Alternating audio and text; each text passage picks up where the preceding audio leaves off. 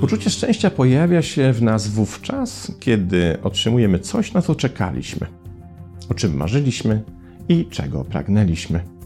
Może to być zarówno coś materialnego, jak na przykład nowy laptop, samochód czy dom, jak i niematerialnego, czyli zainteresowanie, zdobyte wyróżnienie czy pozytywne i satysfakcjonujące zakończenie jakiegoś trudnego projektu. Z pewnej perspektywy można by uznać, że pod ten rodzaj szczęścia, zanim się jeszcze pojawi, musi zostać odpowiednio przygotowany grunt. Tym gruntem jest oczekiwanie w podniosłej atmosferze spełnienia. Oto coś się spełnia i pojawia się promyk szczęścia. Im zaś to, na co czekamy, jest bardziej upragnione, tym promyk wydaje się jaśniej świecić. I owszem, świeci jaśniej, ale czy na pewno odpowiednio długo? Tutaj pojawia się problem, ponieważ te przebłyski promienia szczęścia nie trwają zbyt długo. Ich jaskrawość zaczyna blednąć z czasem. Zaczynają powoli wygasać, aż w końcu bezpowrotnie mijają. To, to tak, jakbyśmy adaptowali się do nowych warunków. Szczęście zamienia się więc w rutynę codzienności, a to, co było tak długo wyczekiwane, staje się zwykłe, normalne i oswojone. Żeby odkryć ten mechanizm, wystarczy sobie przypomnieć prostą sytuację. Oto sprawiasz sobie nowy wypasiony telefon komórkowy, na który trzeba było trochę poczekać. Z jednej strony dlatego, by nadszedł moment premiery nowego modelu, a z drugiej, bo na to cacko trzeba było przyoszczędzić trochę grosza. Wracasz więc do domu ze swoim nowym telefonem. Instalujesz nowy system, wgrywasz apki, kontakty itd. Tak Potem sprawdzasz jego nowe funkcje, odkrywając, które z nich nie są ci tak naprawdę potrzebne, a z których możesz rzeczywiście skorzystać. Moglibyśmy powiedzieć, że Twoje zainteresowanie tą nową zdobyczą jest spore, sam zaś nowy smartfon powoduje podniesienie poziomu endorfin i czujesz, że sprawiłeś nim sobie sporo radości. Jednak wystarczy jakiś czas, z reguły dzień lub dwa, by Twoje zainteresowanie, a co za tym idzie, odczuwana radość, zaczęły spadać. W końcu po prostu zaczynasz używać nowego telefonu, poświęcając mu dokładnie tyle samo czasu, co poprzedniemu modelowi. Wystąpiło zjawisko hedonistycznej adaptacji, oznaczające szybki powrót do stabilnego poziomu szczęścia na skutek symilarnego wzrostu oczekiwań i pragnień. A mówiąc innymi słowy, kiedy zdobywamy coś upragnionego, zaczynamy się przyzwyczajać do jego posiadania. A wraz z tym przyzwyczajeniem maleje poczucie szczęścia. Jednak kiedy dotyczy to nowego telefonu, samo zjawisko nie jest jeszcze zbyt groźne. Problem zaczyna się, kiedy hedonistyczna adaptacja pojawia się w efekcie naszych życiowych osiągnięć, czy też budowania relacji. Przyjrzyjmy się przykładowi.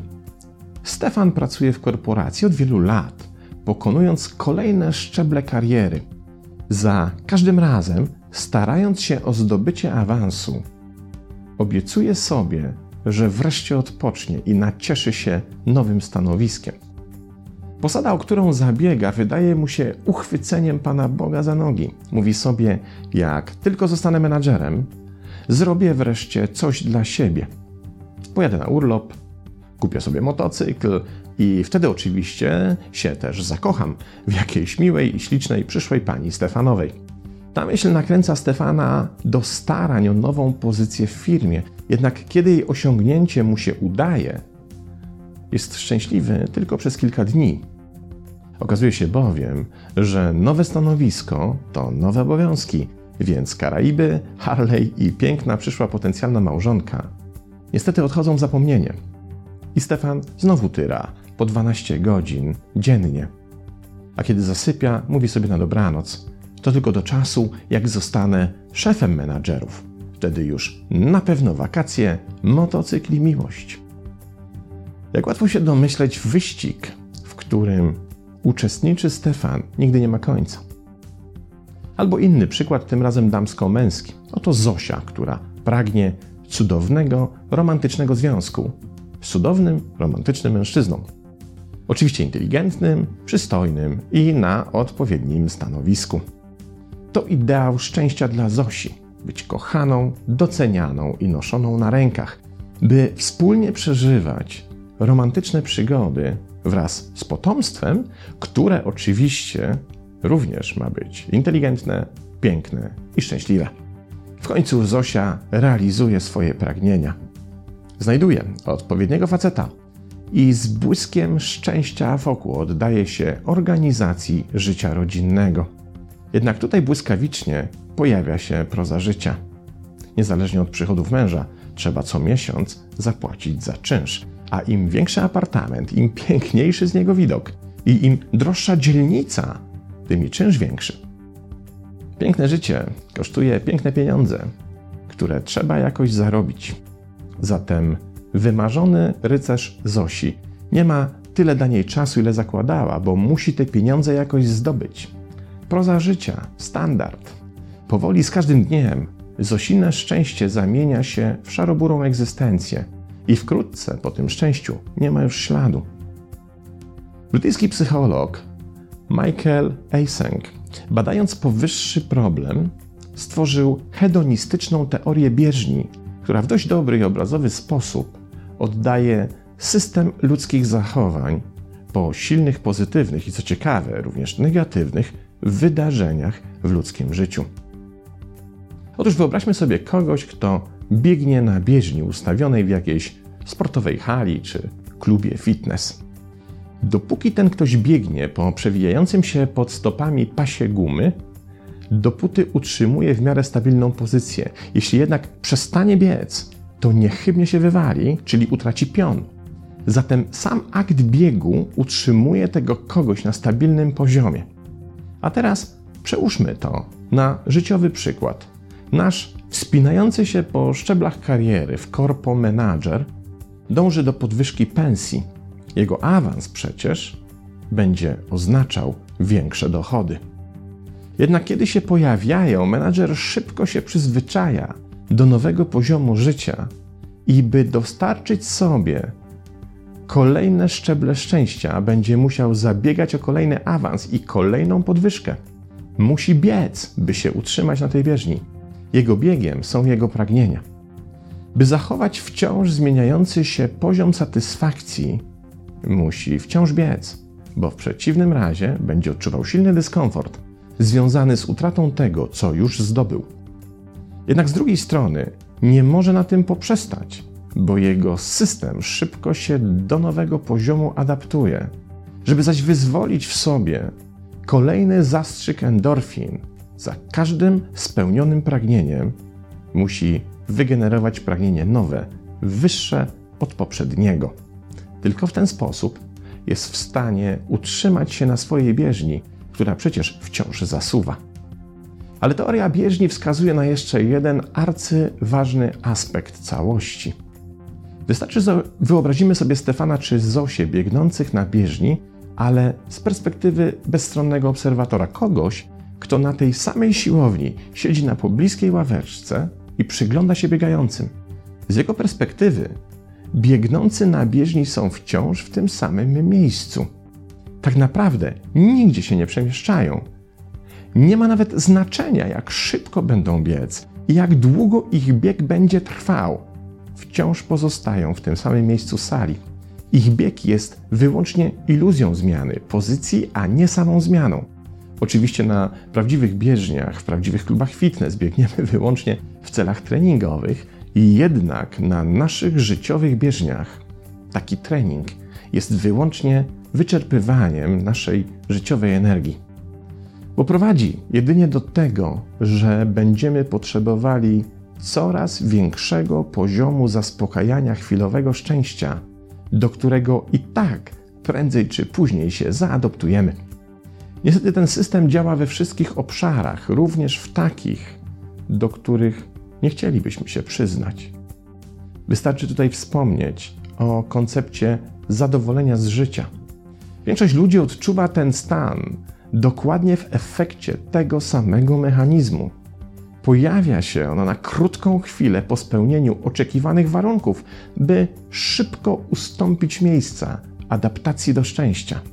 Wówczas to, co społeczeństwo nazywa poziomem zadowolenia z życia, szybko mija. Zaczyna się po prostu życie, ani dobre, ani złe, ani zadowalające, ani niezadowalające. To, co stanowiło o naszym zadowoleniu, już o nim nie stanowi i gdzieś wewnątrz siebie zaczynamy tworzyć nowy koncept nowego życia w nowych warunkach i nowych sytuacjach, które już tym razem na pewno spowodują podniesienie poziomu naszego zadowolenia. Kiedy jednak następują, znowu zadowolenie pojawia się na moment, by ustąpić miejsca neutralnej egzystencji. Ten wyścig nie ma końca. Ta bieżnia jest po prostu zepsuta, zaiwania nieustannie i nie da się jej zatrzymać. Teoria hedonistycznej bieżni wzbudza wiele kontrowersji. Nie wszyscy naukowcy przyznają, że niezależnie od ilości pozytywnych czy negatywnych zdarzeń, ludzie zawsze będą wracali do stabilnego poziomu w kontekście poczucia szczęścia czy nieszczęścia. Różne badania pokazują różne wyniki. Raz wychodzi na to, że efekty negatywnych zdarzeń trwają w nas dłużej niż pozytywnych. Innym razem, że długość epizodów szczęścia jest uzależniona od naszych e, genetycznych predyspozycji. A jeszcze innym razem, że zależy od tego, jakie wydarzenia to szczęście poprzedzają. Jednak co do jednego, świat nauki wydaje się być zadziwiająco zgodny. Szczęście nie trwa wiecznie i by zatrzymać jego przemijanie, przyzwyczailiśmy się do nieustannego biegu przez życie, by wciąż je podsycać. Tylko czy wówczas naprawdę jesteśmy szczęśliwi? Czy aby na pewno, biegnąc, doświadczamy w życiu właściwych doznań? Rozumiem i i Stefana, kiedy tak biegną. Rozumiem ich wysiłek i trud w pogoni za życiowym spełnieniem, ale nie są moimi ulubieńcami. Wolę tego gościa, siedzącego na ławeczce, który im się przygląda i który w przeciwieństwie do nich wie, że tak naprawdę biegnąc nie poruszają się ani centymetr do przodu. Ten gość wie, że prawdziwe życie, to co na wschodzie nazywają umiejętnością wąchania róż, zaczyna się, kiedy schodzimy z bieżni. Przestaje mieć wówczas znaczenie to, co udało się do tej pory zdobyć oraz to, co jeszcze chcemy osiągnąć. Przestaje mieć znaczenie przeszłość, bo zaczynamy rozumieć, że umykająca w nią guma bieżni to tylko koncept w naszej głowie, utkany z przefiltrowanych, indywidualnych filtrów wspomnień. Przestaje mieć również znaczenie to, co jeszcze być może uda nam się zdobyć, bo mimo, że biegniemy, a guma bieżni szybko przesuwa się pod naszymi stopami, jakaś jej część jest zawsze przed nami.